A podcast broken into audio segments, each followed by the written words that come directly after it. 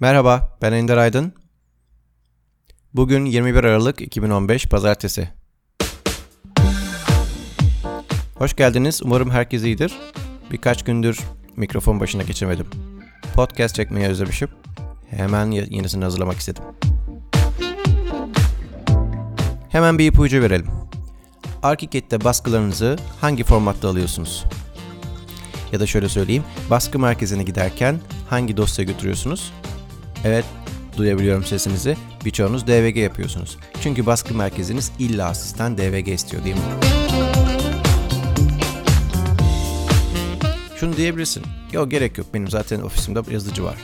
E, evet yazıcı var ama çizici yok. Yani plotter olmayabilir. Plotterlar biliyorsun hem büyük cihazlar hem pahalı cihazlar.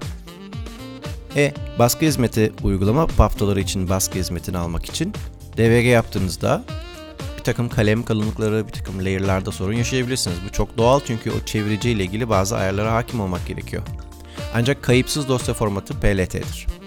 Paftalarınızı layout üzerinde hazırlayıp plot dosyası olarak kaydederseniz baskı merkezinizde herhangi bir ArchiCAD ya da AutoCAD yüklü olmaksızın direkt PLT dosyaları plotter üzerinden baskı alınabilir. Bunu unutmayın bu, bu size bir ipucu olsun. Bir haberimiz var. Nemeçek. Nemeçek geçen senelerden birinde Graphisoft'u biliyorsunuz satın almıştı. Alman firması Nemeçek geçen gün sanırım e, Solibri'yi de satın aldı. Peki Solibri nedir?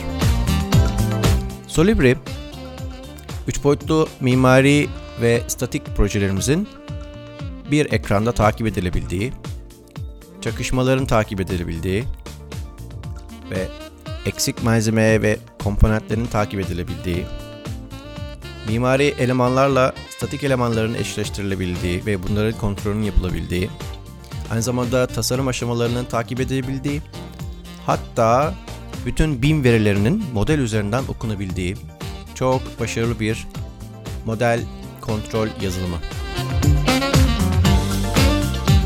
Ama bunun için ne gerekiyor?